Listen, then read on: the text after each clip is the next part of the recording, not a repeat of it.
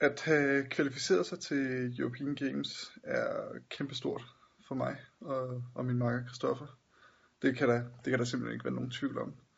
Øh, igennem hele sidste sæson var det øh, vores helt store målsætning, og det lykkedes, øh, er vi simpelthen så glade for, øh, og også ret stolte. Det er mega fedt, og ja, det betyder rigtig meget, fordi at, øh, jeg tror, det er en rigtig god øh, start til øh, det er mit forhåbentlig kommende OL i 2016 i Rio, øh, som jeg håber på at kvalificere mig til. Øh, og hvis jeg kvalificerer mig dertil, så tror jeg på, at det er en god øh, ting at have i bagagen, at man har prøvet at være til European Games, øh, da det højst sandsynligt kommer til at ligne et rigtig OL rigtig meget. Noget af det største, det er, det er anerkendelsen i, at man er, man er rigtig dygtig til det, man laver. Det synes jeg er virkelig, virkelig stort for mig.